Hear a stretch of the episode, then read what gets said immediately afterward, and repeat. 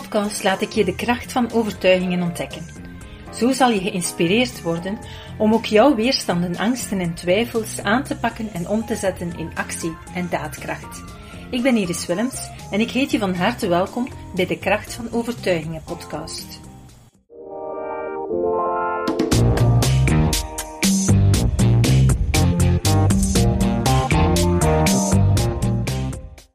Vandaag ga ik het hebben over slaapproblemen, inslaap- en doorslaapproblemen.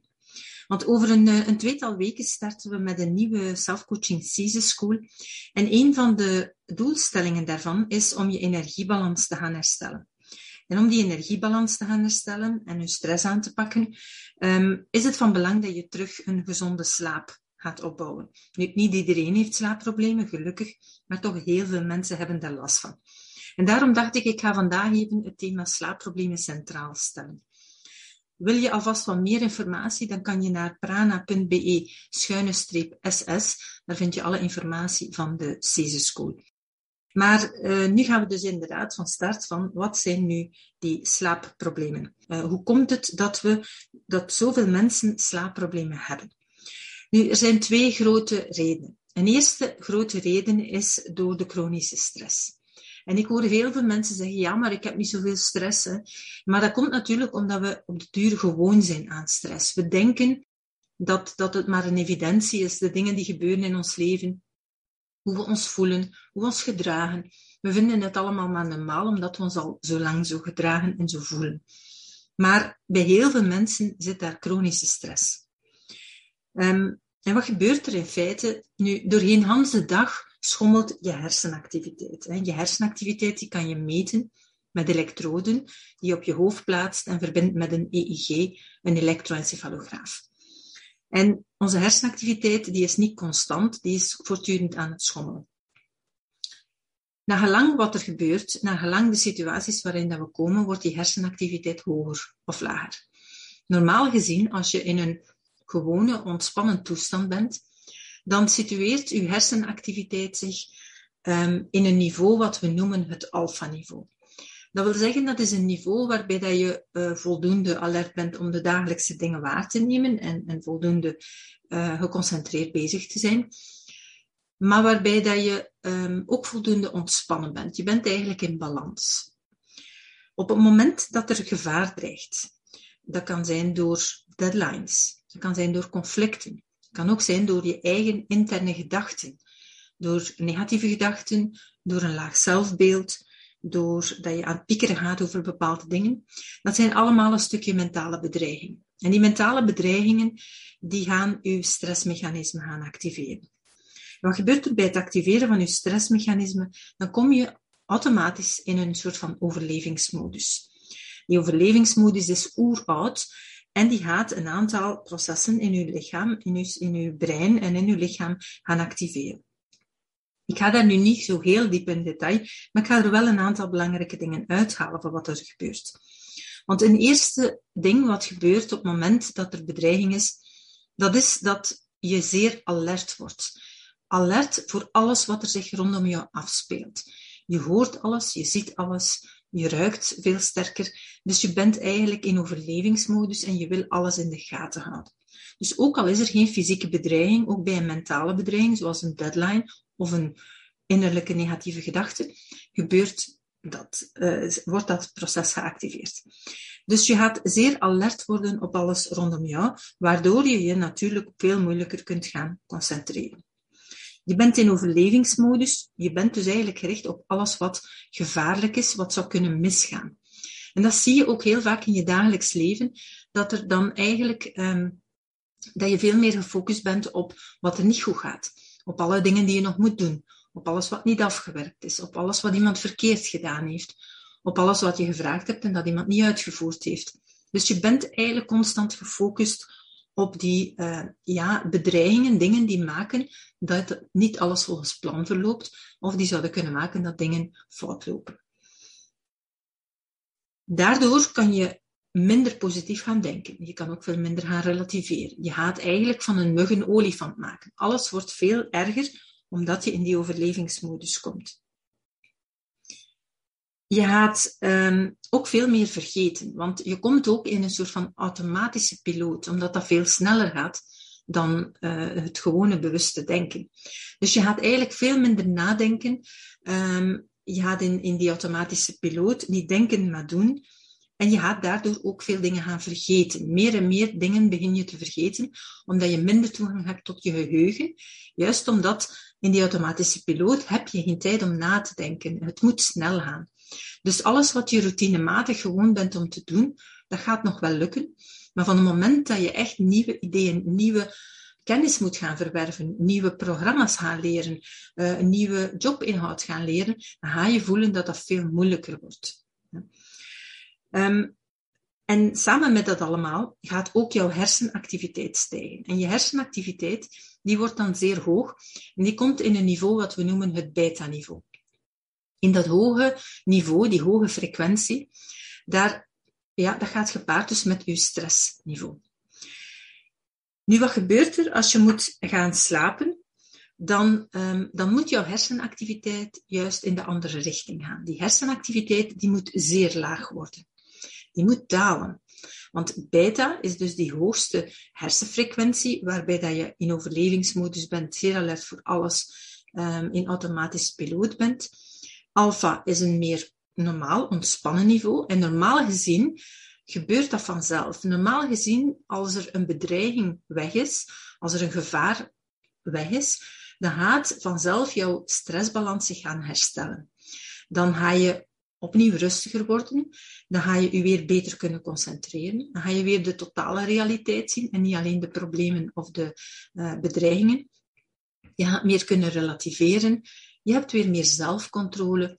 Um, ja, alles gaat weer in balans komen. En je hersenactiviteit gaat vanzelf ook dalen naar het alfa-niveau. En dus op dat moment dat je terug in alfa-niveau bent, ben je terug meer in balans en is het stressmoment voorbij. En normaal gezien is dat een gezond proces. Maar wat gebeurt er nu vandaag de dag? Er zijn zoveel opstapelingen van to-do's, van deadlines, van conflicten, van innerlijke zorgen die we ons maken, van ja, zaken waar je perfectionistisch over bent. Hè. Dat zijn allemaal zaken waar je eigenlijk zegt van oké, het loopt niet goed. Um, en al die zaken, die opstapeling daarvan, die gaat maken dat je telkens opnieuw in dat stressmechanisme komt. Dat dat stressmechanisme telkens opnieuw geactiveerd wordt. Met andere woorden, de ene deadline is nog niet klaar en er ligt al een volgende klaar.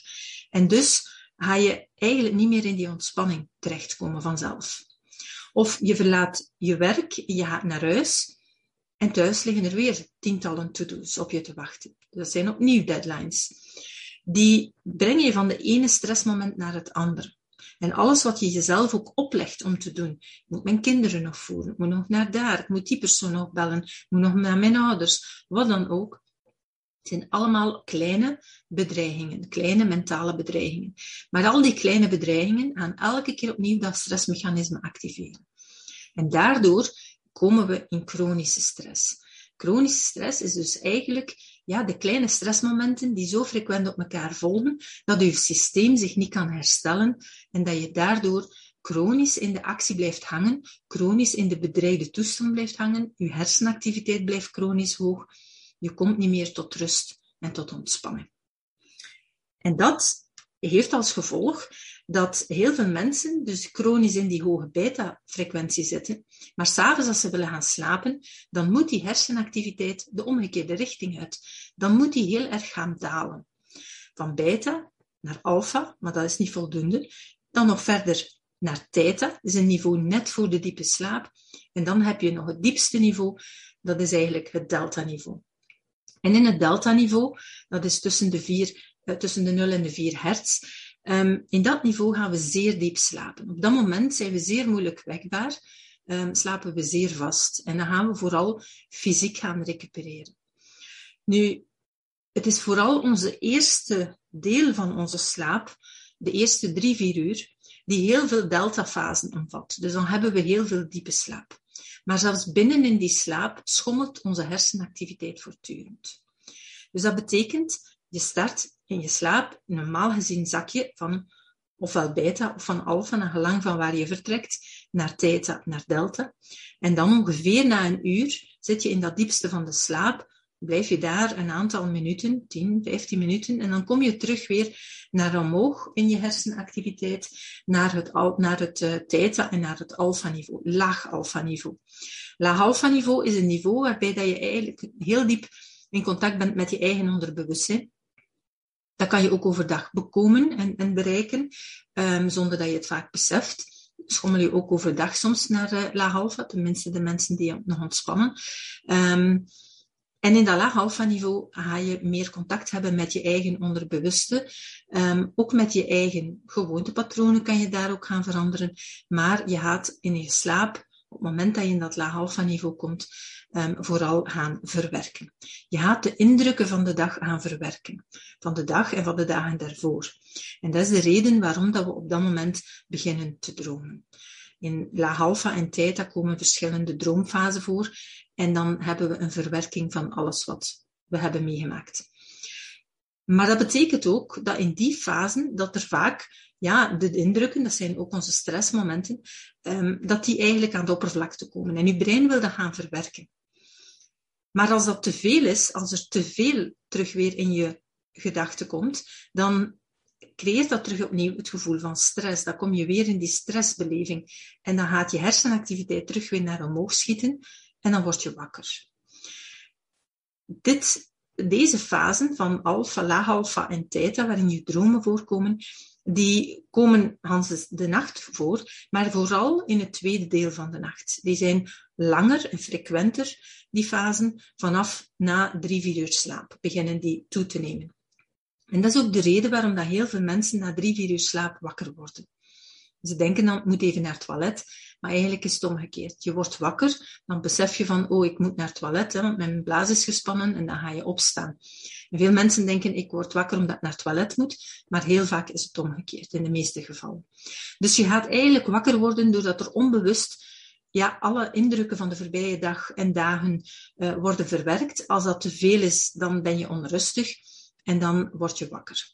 Pas op, dat kan natuurlijk ook zijn dat je wakker wordt um, omdat dat je onbewust met heel veel leuke dingen bezig bent. Het gaat niet echt alleen over problemen, het gaat ook over heel veel uitdagingen hebben. Stel dat je bijvoorbeeld um, een trouw aan het regelen bent, of een groot feest aan het regelen bent, of uh, iets anders belangrijks, een belangrijk project aan het doen bent. Ook al loopt het allemaal goed, ook al vind je het superleuk, toch zijn dat eigenlijk allemaal uh, kleine bedreigingen. Want je wil niet dat het daar verkeerd loopt. Je wil niet dat je dingen vergeten bent op dat feest. Dus het zijn allemaal kleine bedreigingen die je onbewust bezighouden. En als dat heel veel is in een bepaalde periode, dan ga je merken dat je daar s'nachts veel onrustiger door gaat slapen. Dus dat is een eerste grote reden. Dus um, we hebben die chronische stress en die vertaalt zich vaak bij veel mensen in hun slaappatroon. Sommigen kunnen niet inslapen. Dat is omdat al bij het begin dat ze niet van beta kunnen zakken naar theta en naar delta, de diepste niveaus, om in te slapen. Sommigen slapen wel heel goed in, maar worden dan wakker na drie, vier uur slaap. En dat is dan het moment waarop dat die onbewuste zaken naar de oppervlakte komen en worden verwerkt. Dan word je wakker doordat je de eerste slaapfase hebt gehad, die eerste drie, vier uur, waarin heel veel delta voorkomt, deltafase, waarin we fysiek recupereren, ben je eigenlijk fysiek al grotendeels hersteld, maar mentaal nog niet. En doordat je niet meer de fysieke vermoeidheid hebt, ga je eigenlijk die niet meer kunnen gebruiken om gemakkelijk weer in slaap te vallen. En dus blijf je dus eigenlijk wakker liggen en blijf je vaak van, over van alle dingen beginnen nadenken. Um, Sommige mensen staan wel meteen op en beginnen te werken, maar ook dat kan een probleem zijn, omdat als je stelselmatig na drie, vier uur wakker wordt en je denkt van oké, ik ben wakker, uh, ik begin weer aan van alles te denken, dus ik ben uitgeslapen, dan interpreteer je eigenlijk dat stressmoment als zijnde ik ben uitgeslapen. Maar eigenlijk ben je op dat moment terug weer op adrenaline aan het leven, op, op, op, op het stresshormoon aan het leven. En je staat dan op en je begint weer verder te doen, maar je hebt wel maar vier uur geslapen of misschien vijf uur. En dat is op, op langere termijn uh, echt een, een heel gevaarlijk iets, want we hebben onze slaap echt nodig. We hebben die recuperatie nodig. Dus de combinatie vaak van te weinig uren slapen, uh, met een heel druk leven, um, is nefast en, en kan er zeker toe leiden dat je dan op een bepaald moment helemaal opgebrand geraakt, uitgeblust geraakt of andere ernstige klachten gaat krijgen. Dus die slaap is wel belangrijk om die te gaan herstellen. Nu, je kan die volledig gaan herstellen door te leren om effectief terug weer in ontspanning te komen. Door te leren je hersenactiviteit te doen dalen. En dat is hetgene wat we onder andere in die Season School, de Self-Coaching Season School, um, leren. Om opnieuw te leren je mentaal tot rust te brengen, je stressbalans te gaan herstellen en je hersenactiviteit te doen dalen. Zodanig dat je terug ook gemakkelijker in slaap geraakt. En door die oefeningen te gaan doen, niet alleen die oefeningen, maar ook een combinatie um, met, met werken aan de oorzaken van je stress. Um, door daaraan te werken ga je merken dat je slaapprobleem gaat opgelost geraken. En dat je echt perfect weer in staat gaat zijn om een gewoon slaappatroon te hebben zonder slaapmiddelen. Want dat is wel een heel belangrijke. Slaapmiddelen, heel veel slaapmiddelen, die zorgen ervoor dat je in een diepe slaap komt en dat je in delta blijft. En dat geeft u de illusie van een goede slaap te hebben, want je bent niet wakker geworden. Maar kwalitatief is uw slaap helemaal niet goed. Je hebt echt die alpha- en theta-fases nodig om te verwerken. Um, en die worden uitgeschakeld door die slaapmedicatie. Dus je hebt psychologisch het idee, ik slaap goed, maar je voelt je ook nooit uitgerust en uitgeslapen. Je voelt je eigenlijk een beetje een zombie. Um, en dat heeft daarmee te maken. Dus die slaapmedicatie is ook een, ja, een kunstmatig iets, waarbij dat je de transmitterstoffen in je hersenen gaat aanmaken om, om, om ja, te kunnen slapen. Transmitterstoffen die je normaal vanzelf gaat aanmaken. En doordat dat extern wordt binnengenomen, ga je ook je eigen aanmaak gaan stopzetten, waardoor het probleem vaak erger wordt.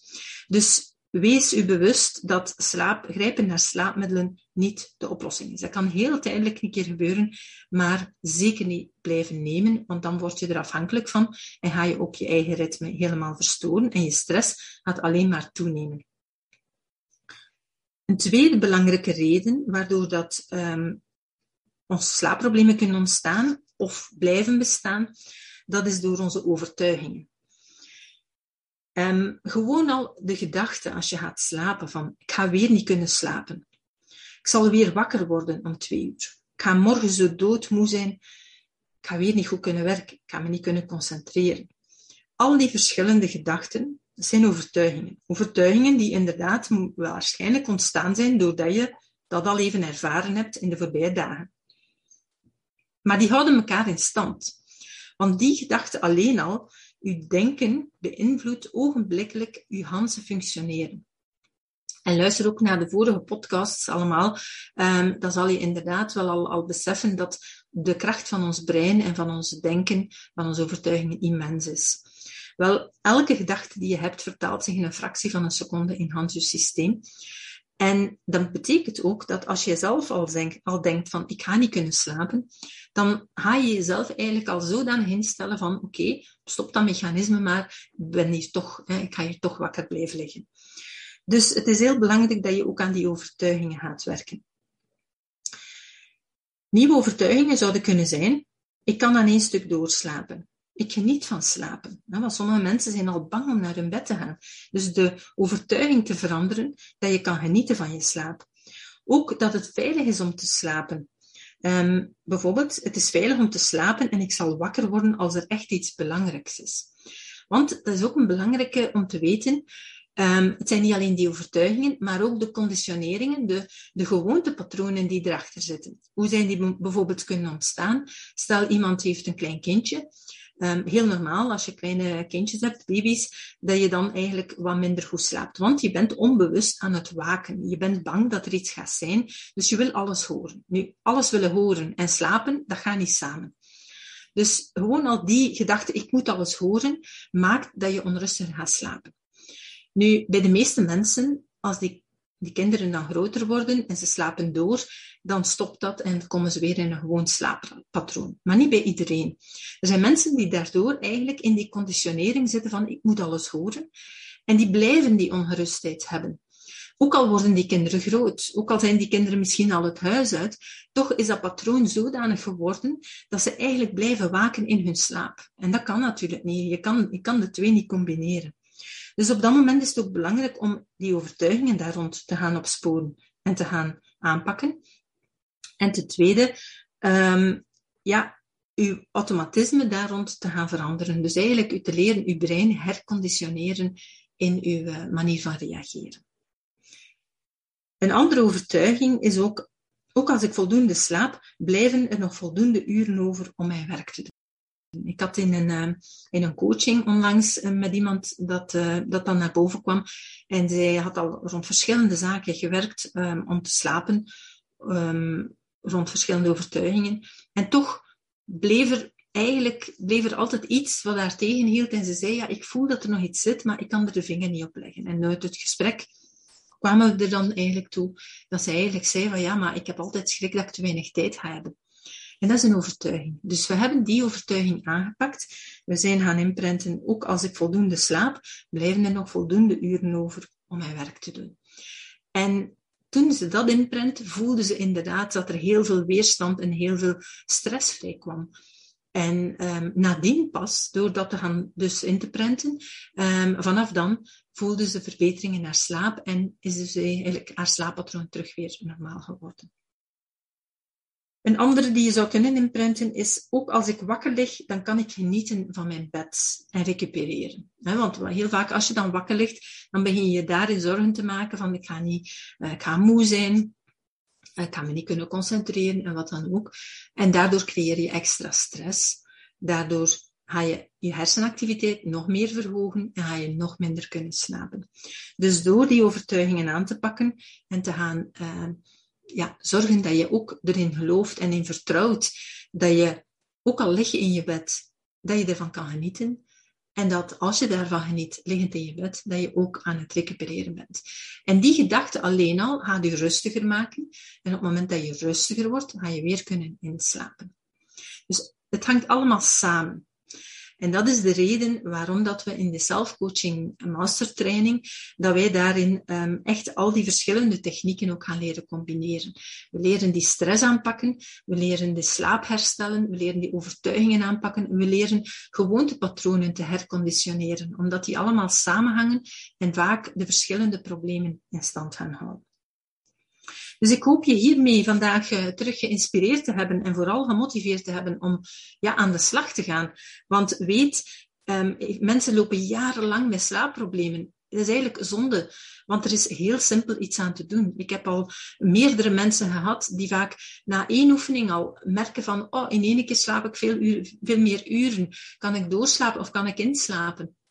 En dan oefenen ze verder. En na verloop van een paar weken voelen ze van, ah ja, mijn slaap wordt alsmaar langer. Ik had iemand die maar, maar drie, vier uur sliep en na, zelfs al na de eerste oefening in staat was om zes uur te slapen.